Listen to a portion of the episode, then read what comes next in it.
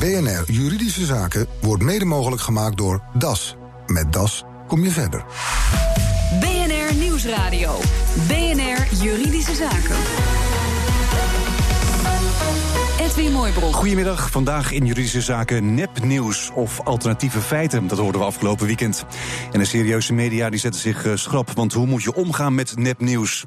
De voorzitter van de Europese Commissie, Jean-Claude Juncker, die wil dat sociale media zelf de strijd aangaan met nepnieuws. En hij wil er ook eh, streng gaan op eh, toezien. Maar de Europese Unie heeft geen wetgeving om verspreiding van nepnieuws te beboeten. Collega Nelke van der Heijden, ja, afgelopen weekend horen we over die alternatieve feiten. Ja, nepnieuws scoorde hoog als woord van 2016. Nou, alternatieve feit is wellicht een kans hebben dan voor 2017. Heeft alles te maken met de bewering vanuit het Witte Huis dat er veel meer mensen naar de inauguratie van Trump kwamen dan naar die van Obama. Nou ja, bij de tegenwerping van je ziet toch op de foto's dat dat duidelijk andersom was, kwam de uitleg: we moeten duidelijkheid geven en daarom presenteren we alternatieve feiten. En nepnieuws loont ook, hè? Ja, wat je bijvoorbeeld in de tijd van de Amerikaanse verkiezingen zag. Trump zou immers ook door nepnieuws uh, gekozen zijn, gewonnen hebben. Maar in die tijd werden er allemaal sites uh, de grond uitgestampt. Zoals DonaldTrumpNews.com. En al, allerlei sites bleken uit Macedonië te komen. En daar zaten dan allemaal tieners achter die daar heel erg rijk uh, van werden. Tienduizenden euro's hebben ze ermee verdiend. en bij Facebook loont het trouwens sowieso ook om, om veel kliks te krijgen. Want dan kun je advertenties krijgen en dat verdient dan ook weer. Dus er is wel een soort verdienmodel gekoppeld aan dat nepnieuws.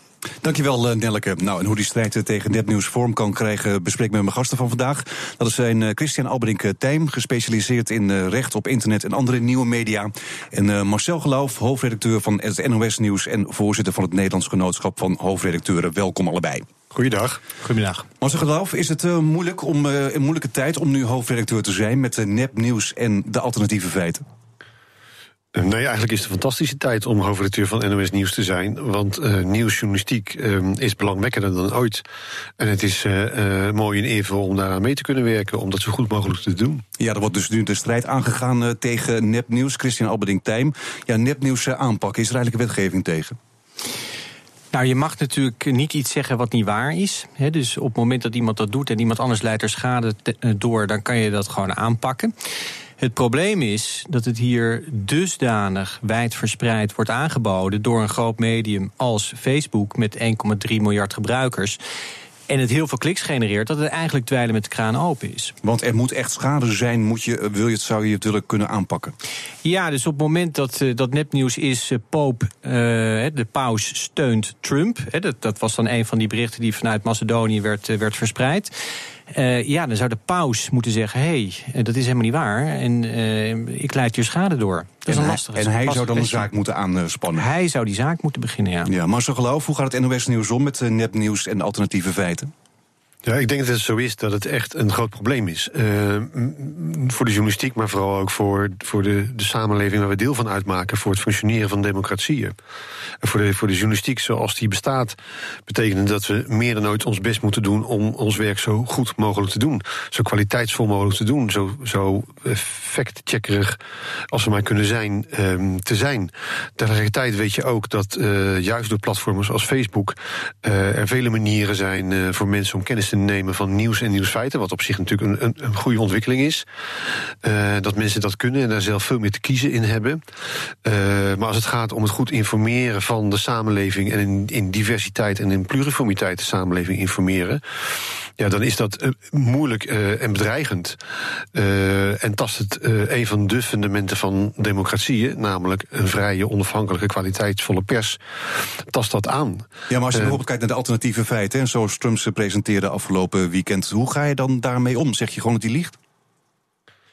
Nou, dat, als het liegen is, moet je dat zeggen. Um, maar dat was je... het toch wel een beetje overduidelijk in dit geval? Ja, nou ja, ik belandde ergens in een discussie over de definitie van liegen. Um, wat het in ieder geval was, was dat het uh, feitelijk onjuist was.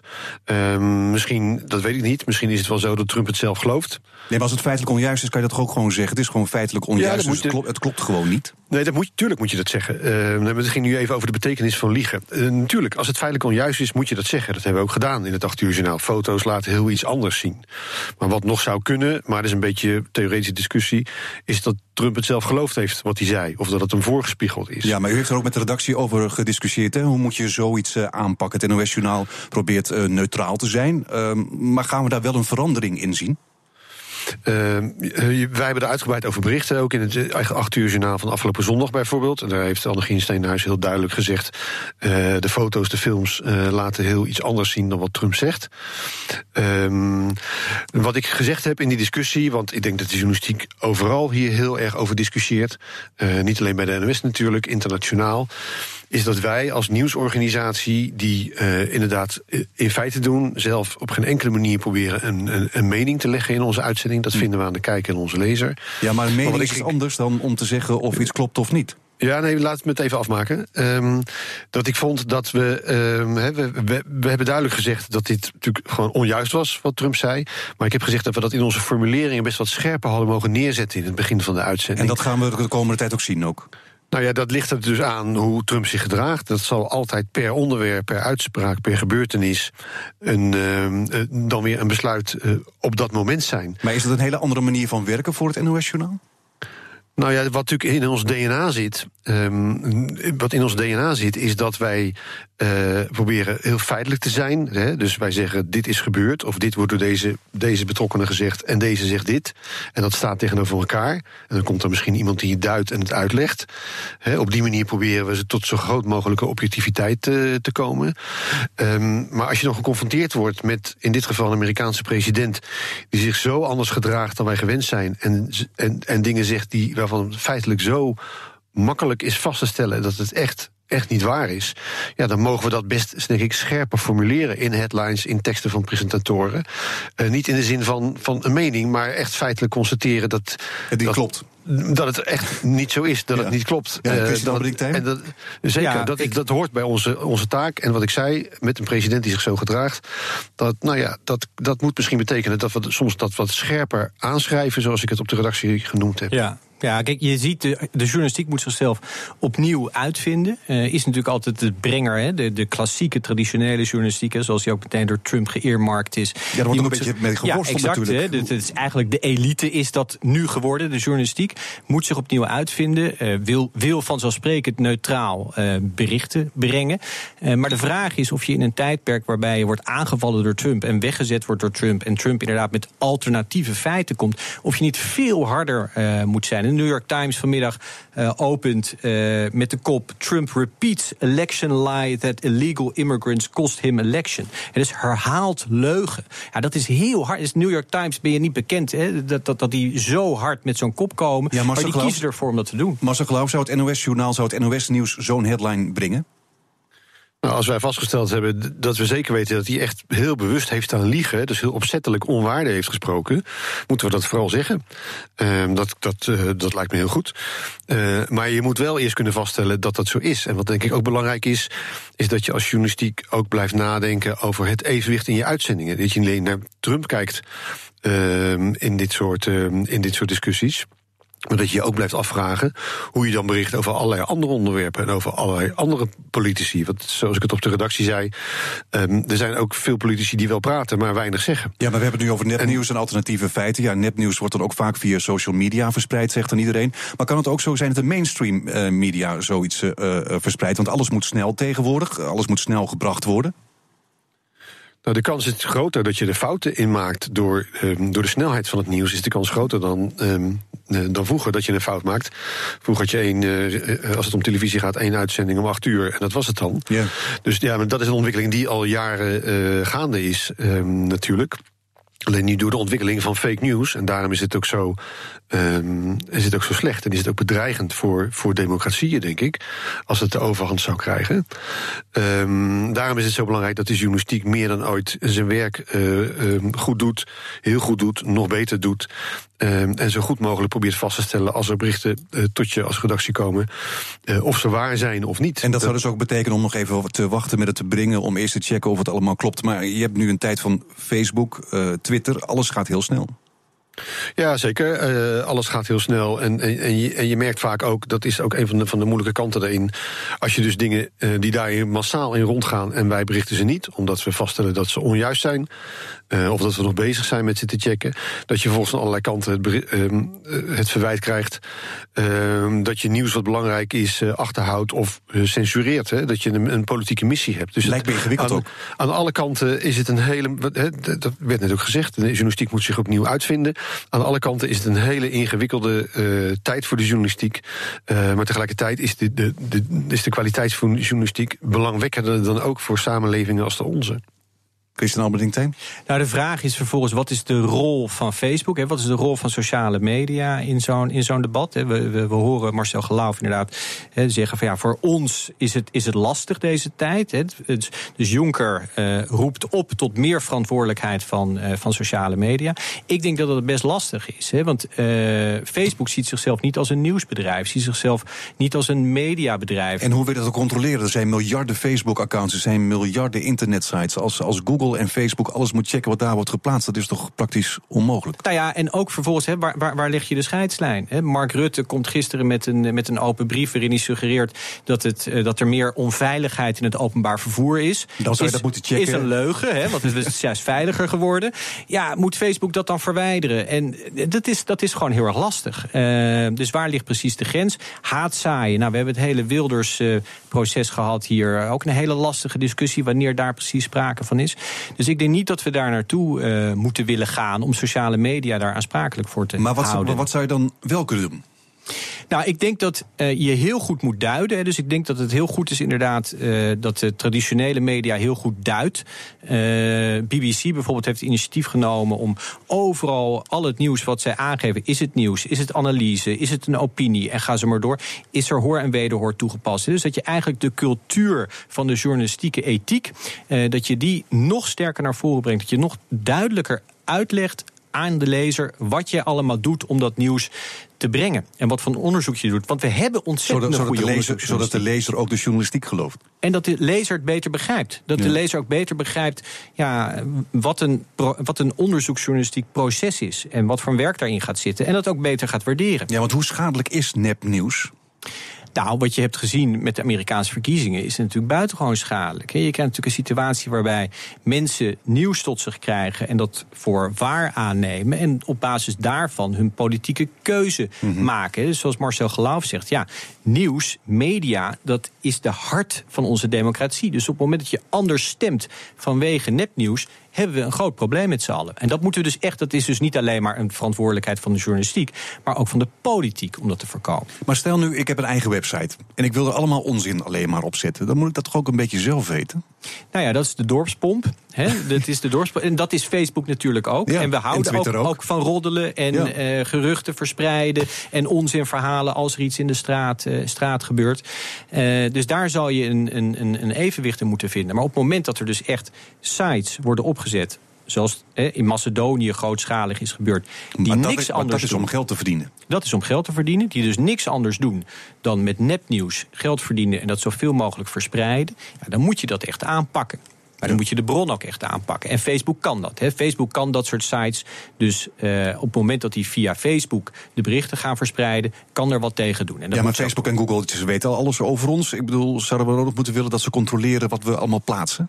Nou, niet van tevoren. Hè, dus dat gaan ze ook nooit doen. Dat kunnen ze ook niet doen. Hè. Je zei zelf terecht, dat zijn gewoon te veel berichten. Maar ze kunnen wel maatregelen nemen zodra ze gewaarschuwd zijn. En zodra iemand zegt, hé, hey, volgens mij klopt dit niet. En dan moeten ze snel handelen.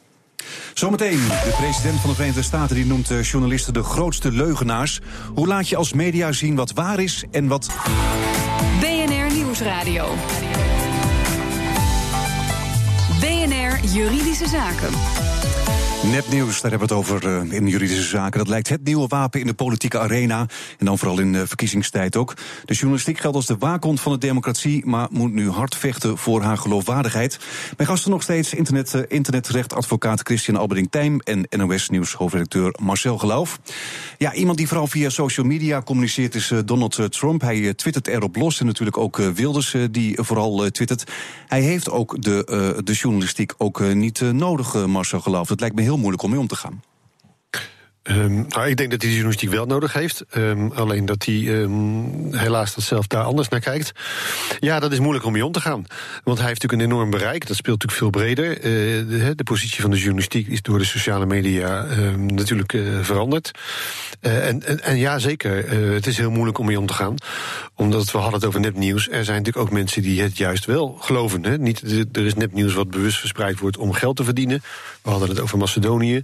Maar er gaan ook onderwerpen rond wat mensen echt in geloven. Dat zien wij ook in mails die we krijgen. Dat mensen schrijven, ja, maar het staat op internet. Ik heb het op internet gelezen. En dan nemen ze per definitie aan wat ze daar lezen... en ze wijzen af uh, wat onze conclusie is. Dus voor de journalistiek is het een, uh, een bedreigende ontwikkeling. Maar misschien is het goed om er niet alleen negatief over te zijn... Er liggen denk ik ook kansen voor de journalistiek. Welke kansen zijn het dan? Nou, de, er liggen, uh, misschien is er wel um, uh, ruimte voor juist een soort revival van de journalistiek.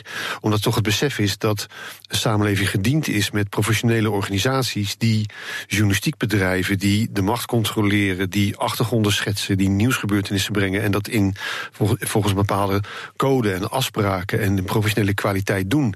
Um, het is misschien ook goed om op die manier voor de journalistiek uh, op te komen. Uh, en de samenleving en de politiek ook vragen op die manier juist nu de journalistiek te ondersteunen. Ja, Christian ja. Denk, denkt u dat ook dat mensen meer terug zullen gaan naar de kwaliteitsmedia, omdat ze dan misschien zeker weten dat of iets klopt? Nou, het, grote probleem waar, de journalistiek al jaren mee kampt, is de financiering. De geldstromen die, eh, die eh, zijn uitgeput, eh, met name voor de geschreven pers. De publieke omroep, waar Marcel Geloof dan over het journaal de scepter zwaait, heeft er minder last van, alhoewel er ook wordt bezuinigd.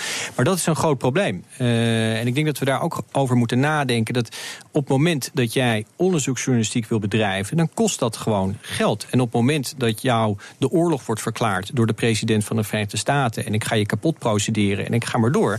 Ja, dan kom je dus in een hele lastige positie waarbij op een gegeven moment je oorlogskas opraakte, uh, dreigt te raken aan advocatenkosten. Uh, dus je moet, uh, denk ik, ook op een andere manier nadenken over de financiering van de journalistiek. Ja, daar heeft het NOS-nieuws natuurlijk niet zo heel veel last van, denk ik, Marcel Geloof natuurlijk, omdat er gewoon overheidssubsidie is.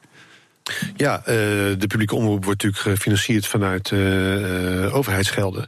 Dus wij hebben daar inderdaad minder last van. Op de publieke omroep is natuurlijk de afgelopen jaren door Rutte 1 en Rutte 2 wel iets van 20% bezuinigd. veel minder op nieuws, omdat de keus gemaakt is dat nieuws een heel belangrijk onderdeel van de publieke omroep is. Mm -hmm. Voor de samenleving is. Dus als nieuwsorganisatie hebben we daar veel minder last van gehad. Maar op de publieke omroep zelf is dat wel gebeurd. Maar ja, dat is natuurlijk zo. De journalistiek als geheel, de schrijvende journalistiek de journalistiek in de regio staat zwaar onder druk. Omdat het verdienen van uh, geld met de journalistiek als gevolg van internet. Uh, en van, van nieuws wat daar, gratis, wat daar gratis wordt verspreid. Ook echt nieuws wat er makkelijk gratis wordt verspreid. Ja, het, het verdienen van geld uh, voor de traditionele uitgevers is daarmee heel moeilijk geworden. Um, en dat is niet goed. Nee, en het dilemma, het dilemma daarbij is, is dan de magische aantrekkingskracht van een liegende president als Trump. dus die leugens, eh, die doen het ook nog eens goed uh, in de pers. Dus CNN tijdens die verkiezingscampagne, ja, die bericht veel liever over Trump. Dan hadden ze veel meer kijkers. Dus het ging enorm ja. goed met de kijkcijfers van CNN. Ja, maar is het ook niet een beetje zo uh, als mensen iets lezen of iets horen wat ze eigenlijk zelf al denken? Dat ze dat dan eerder geneigd zijn om te geloven dan een journalistiek doorwrocht product wat gecheckt is? Marcel Geloof?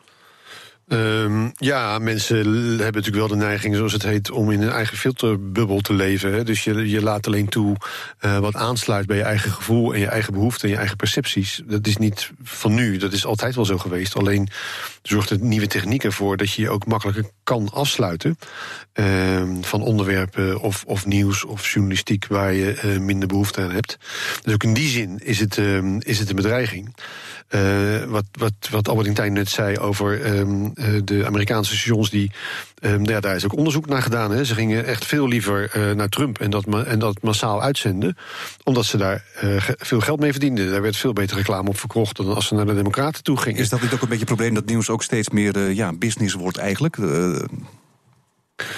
Um, nou ja, dat is natuurlijk. Er is altijd. Um, uh, journalistiek is altijd onderdeel van, van gewoon bedrijven geweest. RTL. Ik heb elf jaar bij RTL gewerkt. Dat is gewoon een bedrijf waar geld verdiend uh, moet worden. Uh, maar als journalistieke organisatie heb je natuurlijk de verantwoordelijkheid.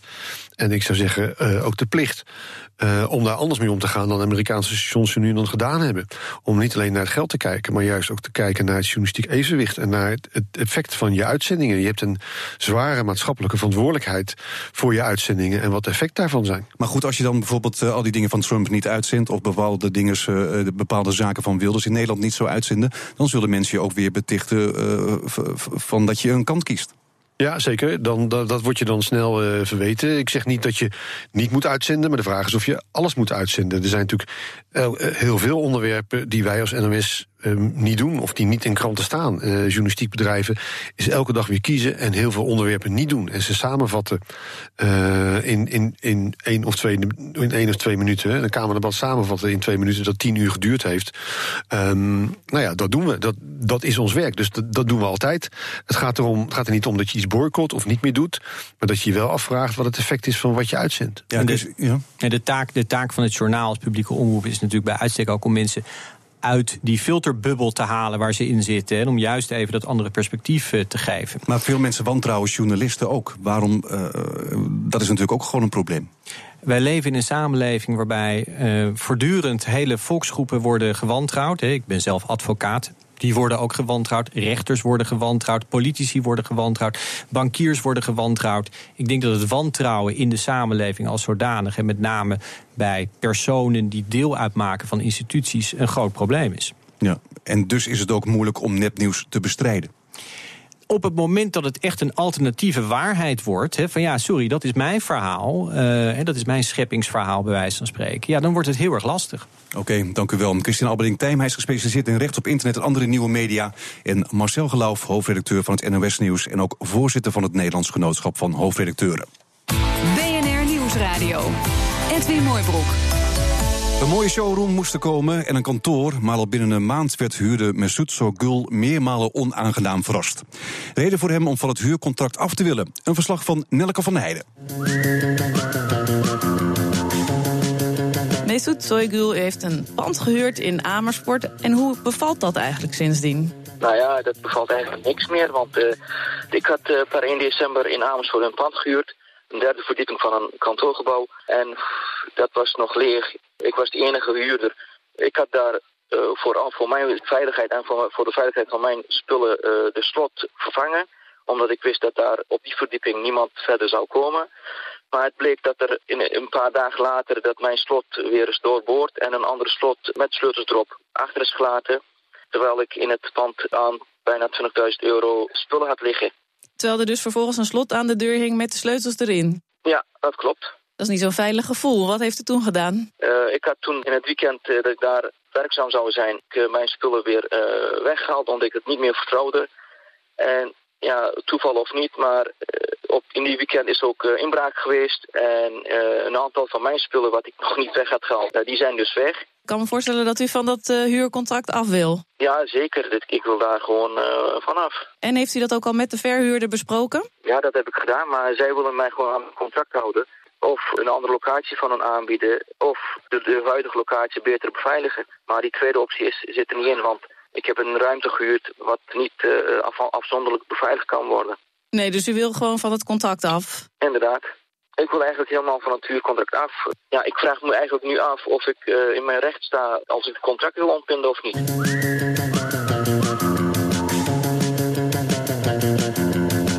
Willem Vos van Vulpes Advocaten. Heeft Mesut genoeg meegemaakt met dat slot en die inbraak om onder dat contract uit te komen? Ik denk het eigenlijk niet. Uh, er is sprake van een eenjarig contract met geen tussentijdse opzegmogelijkheid. Dus je moet kijken of dat er met wederzijds goedvinden uit kan worden gekomen. Daarvoor zegt verhuurder, ik wil niet stoppen. En dan moet je kijken of dat er ontbonden kan worden. En dat kan alleen als er een ernstige tekortkoming aan de zijde van verhuurder in dit geval is die zodanig ernstig is dat ontbinding gerechtvaardigd is. En zou dat het geval kunnen zijn? Het enige wat je verhuurder hier kunt aanrekenen is dat hij het slot heeft vervangen en daar de sleutel in heeft laten hangen, eh, waardoor het gehuurde eigenlijk ter beschikking stond van anderen, ook kwaadwillenden, die daar de spullen naar buiten hadden kunnen sjouwen. Maar dat is niet gebeurd. Nee, want die inbraak staat daar eigenlijk los van. Ja, want wij hebben verder nagevraagd en daarbij blijkt dat bij de inbraak sprake is van braak. Dus dan heeft men duidelijk geen gebruik gemaakt van die in het slot hangende sleutel.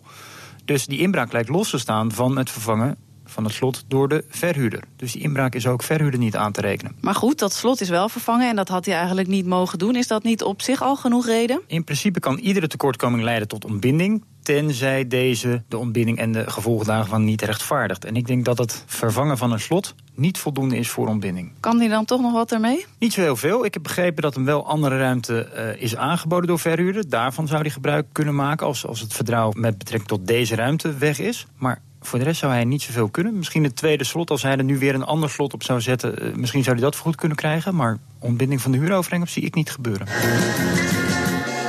Weinig hoop dus, geeft advocaat Willem Vos de luisteraar in een verslag van Nelke van der Heijden. Heeft u ook een juridische vraag? Mail hem dan naar juridischezaken.bnr.nl.